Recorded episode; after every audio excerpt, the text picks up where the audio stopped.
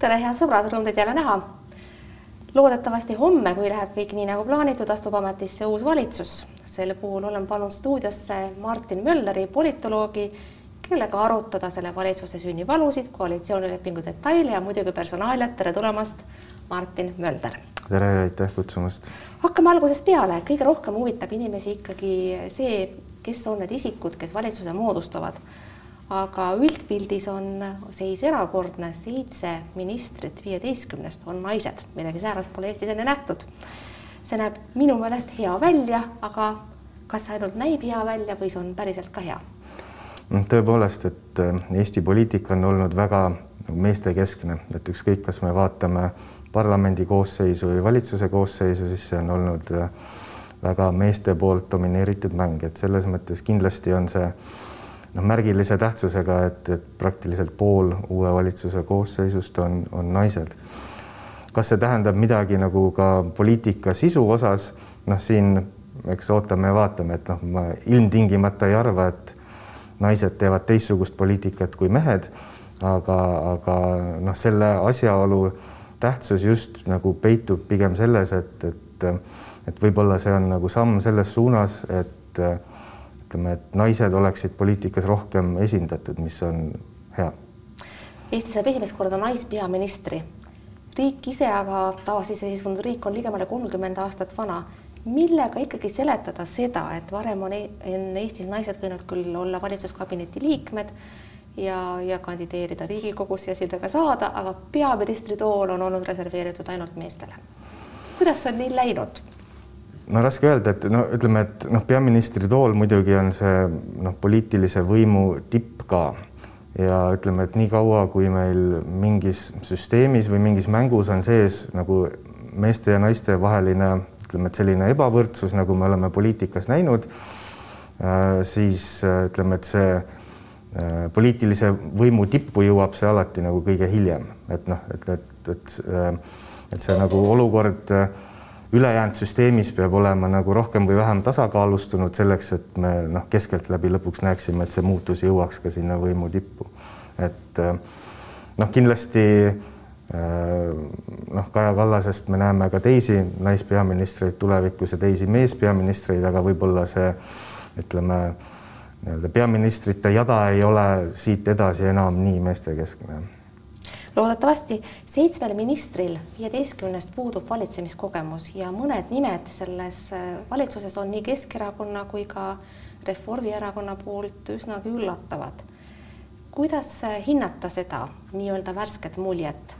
kas pigem peaks pöörama tähelepanu sellele, et osa inimesi on suhteliselt tundmatud ja ja see on pigem halb või pigem peaks vaatama, et ohoo, värsked nimed, väga lahe no osalt kindlasti see, ütleme, et värskus ähm, on strateegiline valik ka äh, mitmes mõttes, et, et kindlasti on Keskerakonnale praegu vaja näidata ja Keskerakonnal praegu näidata, et, et äh, nad on kuidagi uued või noh, et see ei ole see nagu vana Keskerakond, mis oli nagu eelmises valitsuses.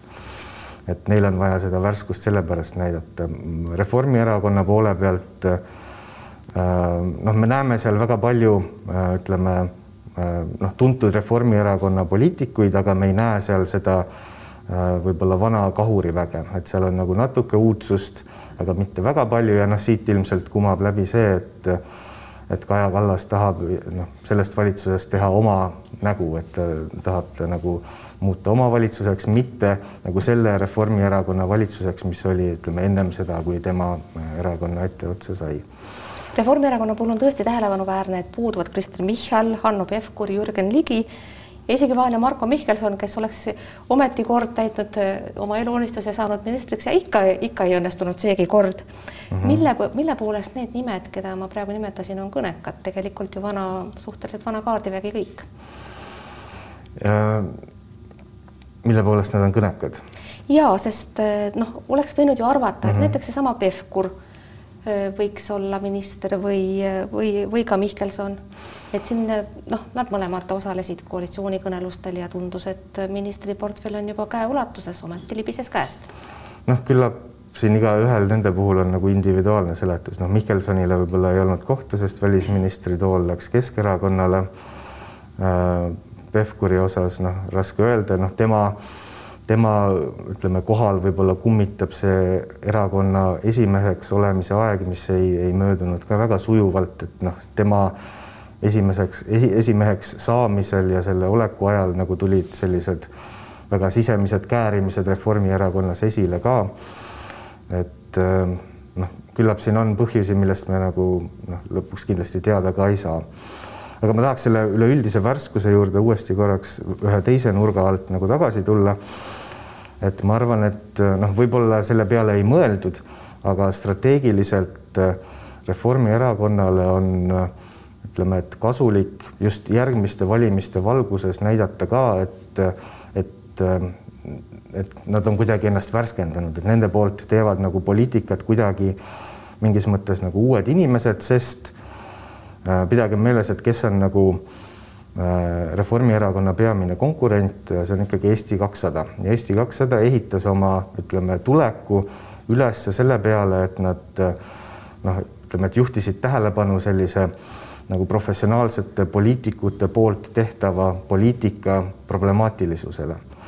ja ma arvan, et nagu tehes ütleme, et selline valitsus, mis on nagu natuke värskema näoga, äh, tegelikult Reformierakond mingis mõttes nagu kaitseb ennast selle vastu, et, et Eesti kakssada saaks tulla ja uuesti öelda, et vaadake, et need professionaalsed poliitikud, kes sealt äh, ammusest minevikust meil kunagi teada on, on taas nagu nii-öelda pukki toodud, et Eesti poliitika tegelikult äh, ei ole kuidagi muutunud, et äh, valige meid, me muudame seda. ja Keskerakonna poolt siis väl, välisministri kohale Eva-Maria Liimets ja siseministri kohale Kristjan Jaani võiksid kõneleda natukene samast kaalutlusest teisalt aga võib-olla ka lühikesest pingist ja kolmandaks ehk soovist pareerida korruptsioonisüüdistusi.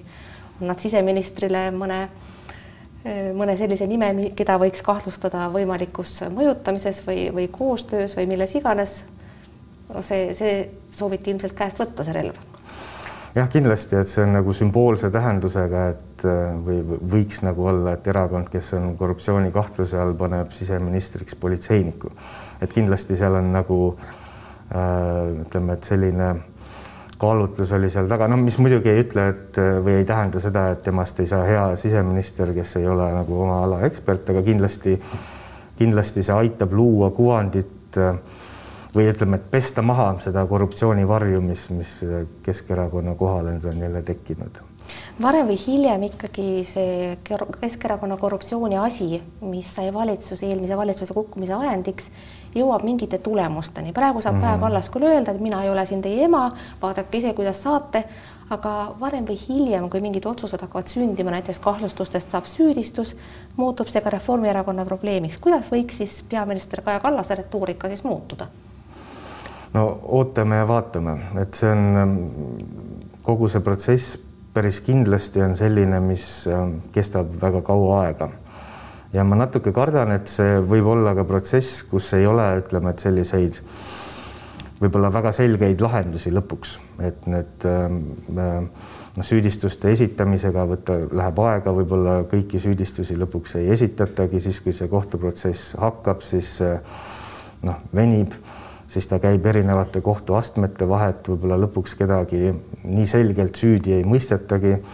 et, et kogu selles protsessis on ähm, noh, ütleme, et potentsiaali kesta väga kaua ja see iseenesest äh, on ka ütleme, et probleemiks, sest noh, taolised, äh, taolised protsessid äh, noh, võiksid olla väga kiired ja konkreetsed, kui nad jäävad nagu venima, siis ütleme noh, ta pakub materjali igasugust no poliitilist ressurssi, ütleme nii opositsioonile Äh, kui ka riski noh, sulle endale. miks tegi ikkagi Reformierakond sellise valiku, et ta võttis valitsusse Keit Pentus-Rosimannuse, kes ei olnud küll seotud Reformierakonna kuulsa rahastamisskandaaliga, mis ikkagi tiksub ka taustal, aga tal on oma autorollo. see on asi, mida hakatakse tuletama meelde kogu aeg. Miks oli vaja ennast teha sellisel viisil rünnatavaks Reformile? noh, Keit Pentus kindlasti on nagu väga staažikas ja võimekas Reformierakonna poliitik. Ähm, ja noh, ega sa, küllap sa kõiki staažikaid ja võimekaid poliitikuid ei saa ka nagu kõrvale jätta. ja, ja see Autorollo teema, et ähm, noh, see jääb küll tema pea kohale hõljuma, aga noh, võib-olla see oli juba piisavalt kaugel minevikus ja võib-olla ütleme, et piisavalt selline madalalennuline teema, et võib-olla seda nii oluliseks ei, ei peetud ja kui su kõrval on teine erakond, kes on noh, korruptsiooniskandaalis, kus on nagu miljon eurot altkäemaksuna mängus, siis see Autorollo on suht kahvatu selle kõrval seda enam, et aega on möödas. muide, seesama Keit Pentus-Rosimannus on öelnud, et EKRE vaba valitsus on väärtus omaette mm. -hmm. see on väga kõva statement ja ma arvan, paljud inimesed nõustuvad sellega.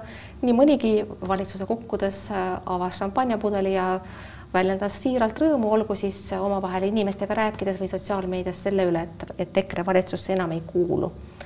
kuid kuidas suhtuda sellesse seisukohta, et EKRE vaba valitsus on väärtus omaette? No see on probleem ennekõike või võib olla probleem sellepärast, et ta võib anda, ütleme, et liiga palju usalduskrediiti sellele valitsusele, et väga paljud nii pikalt ja pingsalt ootasid, et, et see valitsus nagu laguneks, nüüd ta lõpuks lagunes. Ja siis võib tekkida olukord, kus sa oled nagu rahul ükskõik sellega, mis tuleb pärast seda, olenemata sellest, mida ta teeb või kuidas ta teeb või kuidas ta hakkama saab, et selles mõttes võib-olla selline võib tekkida olukord, kus nagu ütleme, et surve selle valitsuse suunas selleks, et ta nagu noh, toimiks ja teeks asju, mis on olulised, on, on, on võib-olla madalam ja võib-olla pigist, pigistatakse silm natuke rohkem kinni võib-olla mingite skandaalide või eksimuste osas lihtsalt sellepärast, et oleks õnnelikud, et on valitsus, kus ei ole EKRE-t. me teame juba ka, missugune on ko koalitsioonilepingu tekst, oleme saanud seda lugeda. Noh, alati võib öelda, et see on kohutavalt üldsõnaline ja, ja see ongi selle peamine puudus, kuid oluline oleks siinkohal ilmselt võrrelda eelmise valitsuse koalitsioonilepingut selle võimuleppega, mida me nüüd siis hiljaaegu saime avalikult äh, tundma. olge hea, võrrelge neid omavahel et jah, tõepoolest, et kui seda uue valitsuse lepet äh, niisama lugeda, et siis võib-olla sealt ei tulegi nii selgelt välja, et mis on siis selle valitsuse prioriteedid, et, et äh, mingis mõttes see koalitsioonileping loeb nagu erakonna valimisprogramm, seal on igasuguseid noh, spetsiifilisi punkte, millega kõik üleüldiselt oleksid nagu nõus. aga kui me nüüd jah, kõrvutame selle uue lepingu ja, ja eelmise valitsuse lepingu, siis sealt tegelikult me näeme teatud valdkondades, kuidas need, ütleme, tähelepanu või, või prioriteedid on väga-väga selgelt muutunud. et üks äh, punkt, mis nagu väga paistab näiteks silma, on see, et eelmise valitsuse lepingus palju pikemalt, palju põhjalikumalt oli käsitletud äh, Äh, kõiksugu rahvastikupoliitikaga seonduvat ja perepoliitikaga seonduvat. no Isamaal oli see nii südamelähedane teema. jah, ja, ja, ja, ja sellepärast ütleme, et väga suur osa äh, koalitsioonilepingust oli pühendatud sellele, uue valitsuse koalitsioonilepingus on sellele nagu väga väike osa äh, pühendatud. ja rahvastikuministri kohtki kaob ära. ja rahvastikuministri koht kaobki ära ja mis on ka ütleme, et sümboolse tähendusega, mis näitab, ütleme, kuidas need prioriteedid on, on võib-olla muutunud et nagu teine teema, mis, mis äh, eelmises koalitsioonilepingus erinevates kohtades tuli väga selgelt välja, oli rändeproblemaatika. et seal oli nagu äh, noh, ühelt poolt mainitud, et ränne võib olla julgeolekuoht Eestile, teiselt poolt mainitud, et noh, rändeküsimused on midagi, mis peaksid jääma iga riigi enda otsustada kui me vaatame uut koalitsioonilepingut, siis seal näiteks noh, rännet on mainitud ainult ühes kohas.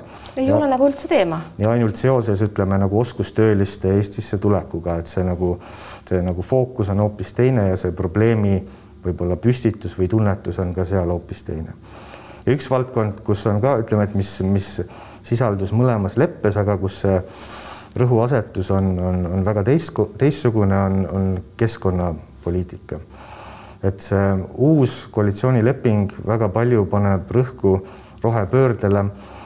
et seal on nagu väga selgelt antud see sõnum, et Eesti äh, majandus ja, ja kohalikud omavalitsused ja need kõik see, nende tegevused, see peab muutuma nagu kliimaneutraalseks, seal on palju rohkem räägitud mingitest konkreetsetest tähtaegadest põlevkivi kasutamisest loobumisest ja nii edasi. mis on tegelikult märgiline, Ida-Virumaa ju jääb siis ilma töökohtadeta, selle kohta ei ole keegi veel seisukohti võtnud, mismoodi seda probleemi päriselt lahendama peaks. jah, tõepoolest ja, ja noh, ja see teema oli ka eelmise äh, valitsuse koalitsioonilepingus sees, aga ütleme, et noh, seal ta oli sees pigem selles võtmes, et et Eesti loodusressursse, metsa ja põlevkivi ja nii edasi, et kõiki neid tuleb mõistlikult kasutada, aga me peaks neid kasutama ikkagi nii kaua, kui see on meile mõistlik ja, ja kasulik, et sellist nagu noh, liikudes muidugi küll keskkonnasäästlikkuse suunas, aga selline nagu rohepööre ei olnud seal, ütleme kuidagi märkimisväärselt sees. nüüd on. ja nüüd on. üks asi, mis alati segab äh, koalitsioonivalitsustel oma lubadusi ellu viimast, juhul kui nad alles asja asuvad oma, oma positsioone sisse võtma, on riigieelarve. Ka selle valitsuse riigieelarve on tehtud eelmise valitsuse poolt, nende võimalused midagi muutma hakata seisavad alles ees.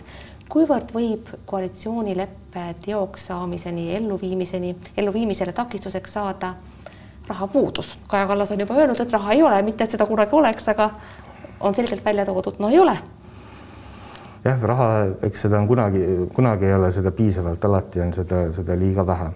Ja, ja, ja tõepoolest ütleme, et selles uues koalitsioonilepingus, et seal ei ole ka väga palju kirjas selle kohta, et, et kus me seda ressurssi võtame, et me neid kõiki neid häid asju, mis me tahame. ma ütleksin, et isegi seda üldse seal ei ole, katteallikad võiksid olla ju kõigil lubadustel juures või vähemasti pooltel, no ei ole sugugi. jah, noh, see oleks ideaalmaailmas. aga vist ei aga... ole ka kunagi olnud, olgem täpsed ja, ja, ja noh, loomulikult ütleme, et see valitsus peab üle võtma äh, selle, mis eelmine valitsus tegi ja ütleme, et mingid valikud, ma arvan äh,, mida see eelmine valitsus tegi äh,, noh, väga suuresti on muutnud ka äh, mingis mõttes nagu mängureegleid. et ma arvan, et praegune ja järgmised valitsused elavad nüüd selles kontekstis, kus noh, laenu võtta on okei okay. ja võib-olla noh, tasakaalus eelarve oleks midagi, mis on eesmärk mingite aastate pärast, aga nagu niisuguses lühemas perspektiivis, et saame ka noh, sellise eelarvega hakkama, kus need tulud ja kulud ei ole tasakaalus, et kui me lähme, ütleme kümme aastat tagasi või rohkem eelmise majanduskriisi aega, siis noh, niisugune asi ei oleks nagu küsimus olnudki, et noh, laenu võtmine siis oli tabu ja, ja noh, tasakaalus eelarve oli nagu üheteistkümnes käsk, et nagu enam, enam sellist olukorda ei ole ja ükskõik, mis valitsus praegu tuleb või mida me näeme, et et noh, nemad ka, ma arvan, et neid vanu reegleid tagasi ei too, et kui vaadata seda olukorda nüüd Keskerakonna ja Reformierakonna vahel sellest aspektist, et kumb on nii-öelda rohkem võitnud, kumb on saanud koalitsioonileppesse rohkem oma lubadusi, kumb on nii-öelda tugevamas positsioonis, missuguseid hinnanguid võiks siis välja öelda? väga raske öelda, et ähm, ütleme, et selline üldine mulje, mis mulle sellest koalitsioonilepingust jäi, oli see, et, et see valitsus tahab olla nagu niisugune hea ja efektiivne teenusepakkuja ettevõtetele ja, ja kodanikele teatud valdkondades. et selles, selle koha pealt võib-olla kumab läbi pigem nagu Reformierakonna toon ähm, noh, neid punkte seal kindlasti ka oli, mis ütleme, puudutasid näiteks ähm, sotsiaalset õiglust ja ebavõrdsust, mis on rohkem nagu Keskerakonna teemad. Äh, noh, mul ei ole see koalitsioonileping peas muidugi, aga ütleme, et noh, mulle vähemalt see toon ei, ei jäänud sealt nii palju silma, et selles mõttes natuke nagu tundus, et see, see koalitsioonileping pigem on Reformierakonna nagu samas on Kaja Kallasele juba ka ette heidetud, et vot, teil oli selline maksu, maksulubadus, eks ju, et viissada eurot maksuvabaks kõigile ja nüüd te olete sellest loobunud. kuivõrd tõsiselt peaks sellist süüdistust võtma? koalitsioon ju teatas, et nüüd on maksurahu ja natukeseks jätame maksud üldse rahule. Jah, no need lubadused tulid nagu või tulevad kahe aasta tagusest ajast ja valimiskampaaniate kontekstist, et noh, see praeguseks on juba nii kauge minevik, et ma arvan, et me ei saa ühelegi erakonnale ette heita, et nad ähm, noh, mingis mõttes võib-olla on oma prioriteedid üle vaadanud, et noh, kui sa pärast valimisi oma valitsust moodustad, noh siis on möödapääsmatu, et sa pead nagu võitlema nende lubaduste eest, mis sul noh, valimiste ajal päevakorral olid. Aga noh, praegu on olukord teine. jah, praegu on olukord teine ja tegelikult keegi ei mäleta neid lubadusi ka enam, kui me valijatelt küsiksime, et mis, mida erakonnad lubasid kaks aastat tagasi, siis keegi ei mäletaks eriti midagi vaatame korraks lühidalt tagasi ka selle valitsuse sündimise protsessi. Keskerakonna, Keskerakonna poolt vedas läbirääkimisi Mailis Reps, Jüri Ratase parem käsi ja ja hea sõber ja hea kolleeg Kaja Kallas siis Reformierakonna juhina paistis emaliku Repsi kõrval just nagu koolitüdruk ja Keskerakond suutis vähemasti läbirääkimiste alguses jätta väga osavalt mulje, et jäme ots on nende käes kuivõrd tegelikult see väline mulje, mida Keskerakond väga leidlikult lõi, vastas tegelikule olukorrale? no ma arvan, et ootame ja vaatame nüüd, kuidas see uus valitsus toimima hakkab, et ähm, noh, Kaja Kallasel ka ütleme, noh, tal puudub selline täitevvõimu kogemus põhimõtteliselt, et need on talle ka nagu ristsed. ja samas, kui nagu noh, Mailis Repsil on seda küll ja veel äh,. aga ma arvan, et ähm, noh, lõpuks, kui, kui valitsemiseks läheb, siis äh, noh, Reformierakond on noh, väga suur ja väga võimekas erakond, seal on väga palju võimekaid inimesi nii valitsuses kui selle ümber. et ma arvan, et, et kui see valitsus tööle hakkab, et siis niisugust noh äh,, mingit taolist tasakaalunihet me, me ei näe. ja pigem äh, noh, siin selle valitsuse moodustamisel on jutuks tulnud, et, et, et Keskerakonna pink on lühike, et pigem võib-olla on nagu probleem seal, et, et et noh, Reformierakonnal seda raske kahurväge on, on veel, ütleme, et kuigi tegelikult nemad on ka kaotanud mingi põlvkonna siin vahepeal, kus need alates Taavi Rõivast terve nagu lahkumise laine oli tegelikult päris laine suur. oli, et selles mõttes ka nemad on kaotanud. aga kui me Keskerakonna peale mõtleme, siis ütleme, et nendel seda raske kahurväge nagu nii palju võib-olla ei ole ka, et on nagu Ratas ja Reps, kes on Riigikogus, eks ole äh,. Simson, kes on Brüsselis Kõlvart, kes on Tallinnas. noh, küllap me mõtleks mõne nime võib-olla veel välja. aga, aga noh, praegu võib-olla rohkem pähe ei tulegi. missuguseid kompetentse võiks Kaja Kallasel olla vaja? sai viidatud, et Reformierakonna ajutrust on mõnevõrra tugevam ja samuti ka sellele, et täitevvõimu kogemust tal ei ole, küll aga on Euroopa Parlamendi kogemus. missuguseid, missuguseid nõuandjaid Kaja Kallas tarvitseks, et hästi valitseda? oh, raske öelda, et. Ähm, no peame silmas seda, et talle on ju ette heidetud kõike, mida iganes, küll laskis oma valimisvõidu käest, küll ei tulnud Reformierakonna juhiks saadeks õigel ajal koju. noh, siis äh, praegu on teine võimalus ja siis heidetakse veel ette, et tal neid kogemusi ei ole, mida tal olla ei saagi ja nii edasi lõputult noh, see kõik tähendab seda, et tal oleks vaja nagu head poliitilist strateegi, võib-olla mitte nagu ühe või teise valdkonna äh, nagu sisulist nõustajat, vaid kedagi, kes talle nagu juhatab ette, et kuidas nagu poliitikat üleüldiselt tehakse. aga, aga noh, ma arvan, et noh, lõppkokkuvõttes noh, valitseb ju valitsus tervikuna, mitte ainult nagu peaminister. ja kui me vaatame, ütleme, et seda, seda nagu kompetentsi, mis siin valitsuses on, siis see on noh, mingis mõttes üpriski tasakaalus, et seal on nii oma valdkonna eksperte, kes on noh, alles hiljuti või just värskelt tulnud kuskilt väljaspoolt poliitikat mõlemas erakonnas, kui ka nii-öelda professionaalsemaid poliitikuid, kellel on pikem nagu poliitika ja erakonna ajalugu ka mõlemas erakonnas, et selles mõttes ma arvan, seal on nagu väga hea komplekt koos. me peame rääkima presidendivalimistest uh. Mhm. -huh. äsjased sündmused ju valitsuse kukkumine, uue moodustamine lõid kõik seni kehtivaks peetud jõujooned segamini. missugust arengut võiks siin oodata Riigikogus presidendi äravalimine, noh, sellest võib nüüd rääkida, enne ei mm -hmm. ole mhm. sellest üldse mõtet rääkida, aga valimiskogus ilmselt on see nüüd palju lihtsam, kui oleks olnud eelmise koalitsiooni korral. Jah, no Riigikogus ilmselt ta siiski valituks ei, ei osutu, et see eeldaks nagu väga märkimisväärset üksmeelt erakondade vahel. mida ilmselt ei ole. mida ilmselt ei ole ja noh, meil ütleme, et see, kuigi see Riigikogus valimine on ette nähtud nagu selline esmane presidendi valimise viis, siis noh, tegelikult Eesti süsteemis noh, see üleüldiselt ei toimi, sest niisugust nagu koalitsiooni ja opositsiooni ülest üksmeelt meil ei teki, noh, välja arvatud kaks tuhat üksteist, mis oli nagu väga niisugune erandlik hetk Eesti poliitilisel maastikul, kuna meil Riigikogus oli ainult äh, neli erakonda. et, et noh, siis see oli võimalik, praegu mitte. kui me vaatame valimiskogu poole siis noh, palju on siin spekuleeritud, et jah, et kas oli selle koalitsioonileppe kuskil taga ka kokkulepe presidendi äravalimise osas. no aga kas oli siis, mis tea. ütlevad teie andmed ei tea, aga noh, andmed ütlevad võib-olla seda, et kui mõlemad valitsuserakonnad suudaksid omavahel kokku leppida ühises kandidaadis, siis noh, valimiskogus noh, nad võiksid ehk selle kandidaadi ära valida, et siis võiksid neil hääled koos ka olla, kui nad suudavad, ütleme, kõik need esindajad valimiskogus, kes noh, nende kontrollitud omavalitsustest tulevad, ära veenda, et siis see oleks võimalik, aga viimane küsimus, lühike vastus, mis saab Jüri Ratasest? ta ei jää ju parlamenti istuma. ei tea, võib-olla tema tahab presidendiks seni ta pole tahtnud, on väitnud, et seal võiks olla igav, aga mine tea. Martin Möldra, aitäh, et tulite neid asju meile selgitama, head sõbrad, aitäh, et te vaatasite. vaadake järgmine kord ikka jälle, elage vahepeal hästi, olge terved, kuulmiseni, nägemiseni